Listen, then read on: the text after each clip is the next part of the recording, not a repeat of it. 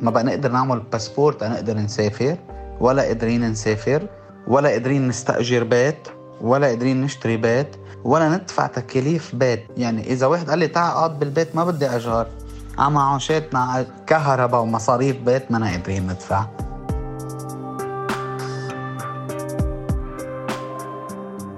فادي شاب لبناني تخرج من الجامعة قبل عشرة أعوام. يحلم بتأسيس مستقبل ناجح في بلده. يحلم ابن الثلاثة والثلاثين عاماً بالزواج وبتأسيس عائلة.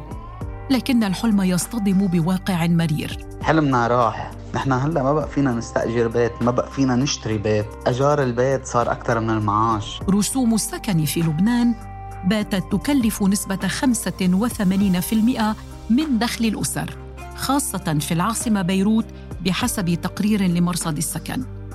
هذا يعني أن تلك الأسر باتت تحت خط الفقر.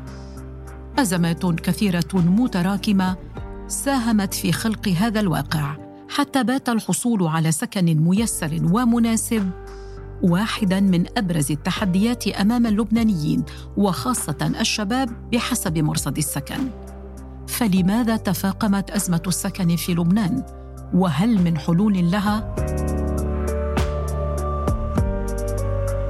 هذا بودكاست زوايا وأنا أنا عبد المسيح.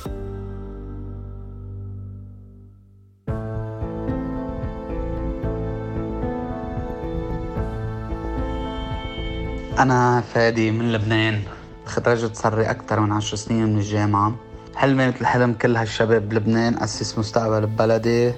وأعيش بحد أهلي وقرايبيني وبوطني. حلم دونه عقبات كثيرة. فامتلاك شقة أو منزل في لبنان بات لكثيرين حلما مستحيل التحقيق بسبب الانهيار الاقتصادي. مع استبعاد فكرة الشراء قد يفكر المرء باستئجار منزل ليتبين له لاحقا أن الإيجار ليس حلا ولا حتى خيارا بديلا لأن رسوم الإيجار محددة بالدولار والدولار يواصل تحليقه أمام الليرة اللبنانية. قبل بضع سنوات كان الدولار يساوي 1500 ليرة. الآن بات الدولار الواحد يساوي نحو 100 ألف ليرة. أجار البيت صار أكثر من المعاش. أجار البيت عنا مينيموم عم نحكي ب 300 دولار. 300 دولار يعني هلأ عم نحكي ب 30 مليون ليرة لبناني.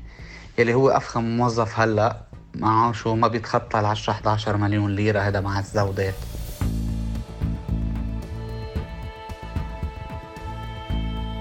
ثلاثون مليون ليرة لبنانية الكلفة الشهرية لإيجار منزل هذا المبلغ يساوي ثلاثة أضعاف راتب الفرد لأن قيمة الرواتب بالعملة اللبنانية تقلصت مع انهيار قيمة العملة الوطنية. أربعون في المئة من الأسر اللبنانية تقلص مدخولها الشهري إلى مئة دولار أو أقل بحسب تقرير لهيومن رايتس ووتش أما العائلات التي يعمل فيها أكثر من فرد فإن 90% منها تجني أقل من 377 دولارا شهريا. وضع مربك.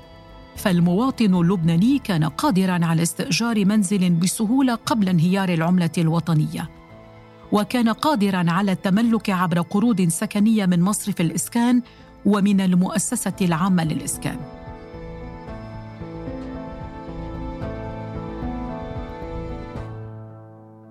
كانت هذه المؤسسات تمنح سنويا نحو 25 ألف قرض سكني.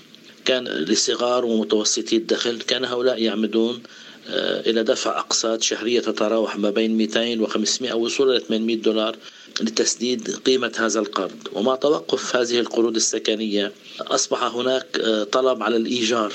لأن المساكن ارتفعت أثمانها بشكل كبير يفوق قدرة اللبنانيين. فأي شقة في بيروت اليوم 100 أو 150 ألف دولار شراؤها أصبح ضرب من المستحيل. وحتى تشييد منزل في القرية أو في الريف أيضا أصبح ضرب من, من المستحيل. لذلك في ظل هذه الارتفاعات أصبح الحل الوحيد هو اللجوء إلى الإيجار.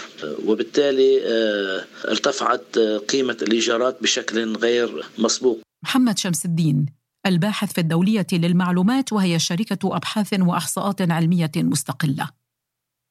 توقف المؤسسة العامة للإسكان التابعة لوزارة الشؤون الاجتماعية ومنذ عام 2018 عن منح القروض السكنية كان أثره بالغا على أزمة السكن.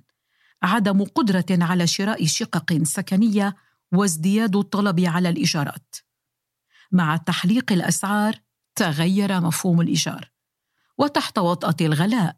لجأ الشباب خاصة خريجي الجامعات لاستئجار غرفة في شقة أو حتى لمشاركة غرفة مع شخص آخر لأن المالك يفرض تسعيرة بالدولار النقدي.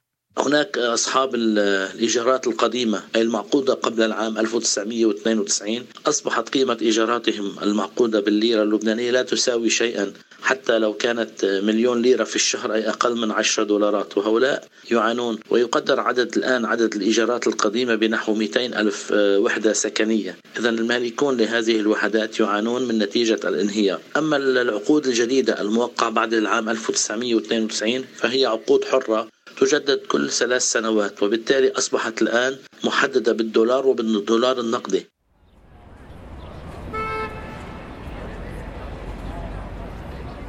وما ساهم أيضا في زيادة الطلب على إيجار الوحدات السكنية هو استضافة لبنان مئات آلاف اللاجئين السوريين ليصبح البحث عن مسكن مهمة صعبة.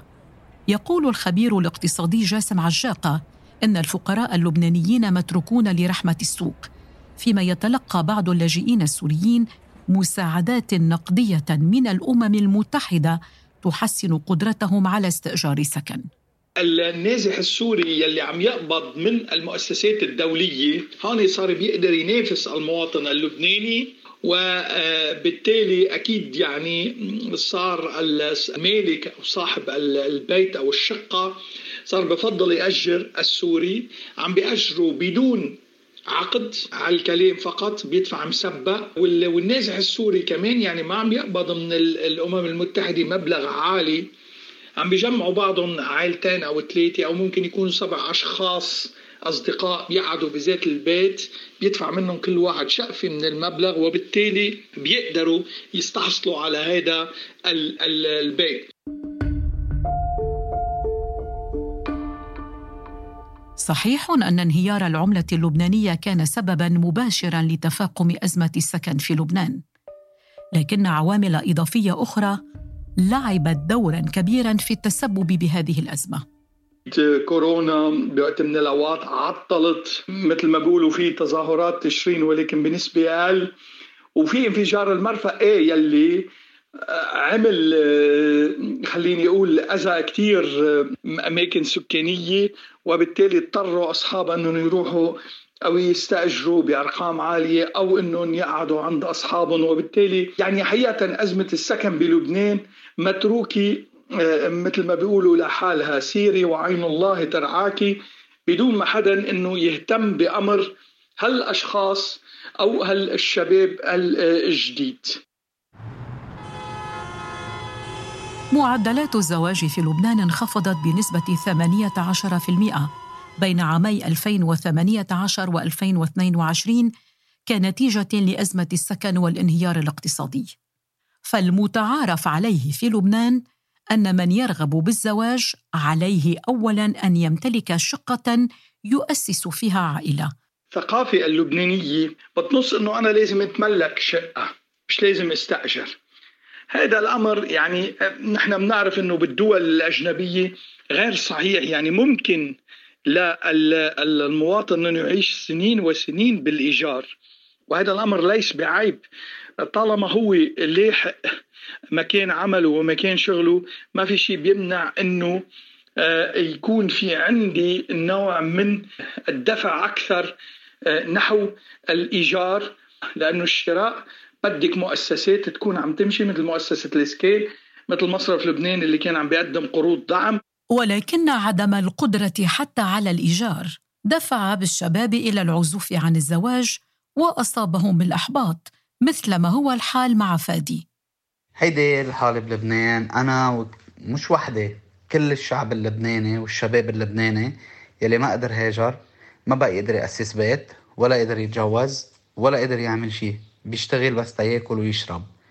هذا إذا أهالينا لا سمح الله ما عاوزوا حبة دواء إذا عاوزوا حبة دواء بنقعد بلا أكل وبلا شرب. غابت عن عيني فادي وهو يتحدث أي بارقة أمل بغد أفضل ينقذ مستقبله.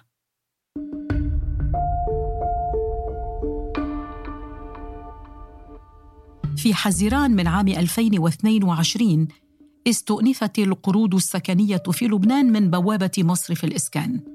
لكن تسارع وتيرة انهيار الليرة جعل قيمة هذه القروض تتدنى كونها تمنح بالليرة اللبنانية وبحد أقصى هو مليار ليرة للقرض السكني. حل هذه الأزمة يبقى إذن رهنا بحل الأزمات الاقتصادية والسياسية معا بحسب جاسم عجاقة. طبع هناك آه، ترابط عضوي بين أزمة السكن وبين الأزمة الاقتصادية القائمة. إنه لا يعقل إنه نقدر نفصلها لأنه ببعض الدول مثل بريطانيا والولايات المتحدة الأمريكية القطاع العقاري هو جوهر أساس يعني هو مؤشر لأي أزمة ممكن أنه تضرب الاقتصاد. لا يمكن فصل هذا عن الأزمة الحالية وبالتالي أو بالأحرى حل أزمة السكن بدها حل الأزمة عامة الأزمة الاقتصادية. حاليا يتجه مصرف الإسكان لمنح قروض سكنية بالعملة الخضراء. بحد أقصى يبلغ خمسين ألف دولار للقرض وسيمولها من قرض حصل عليه من الصندوق العربي للتنمية الاقتصادية بقيمة نحو 165 مليون دولار أمريكي.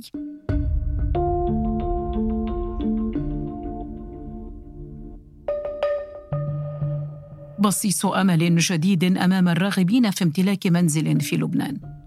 لكنه أمل لفئة محدودة من المجتمع ممن تتوافر لديهم الشروط المطلوبة والقدرة على سداد أقساط بالدولار.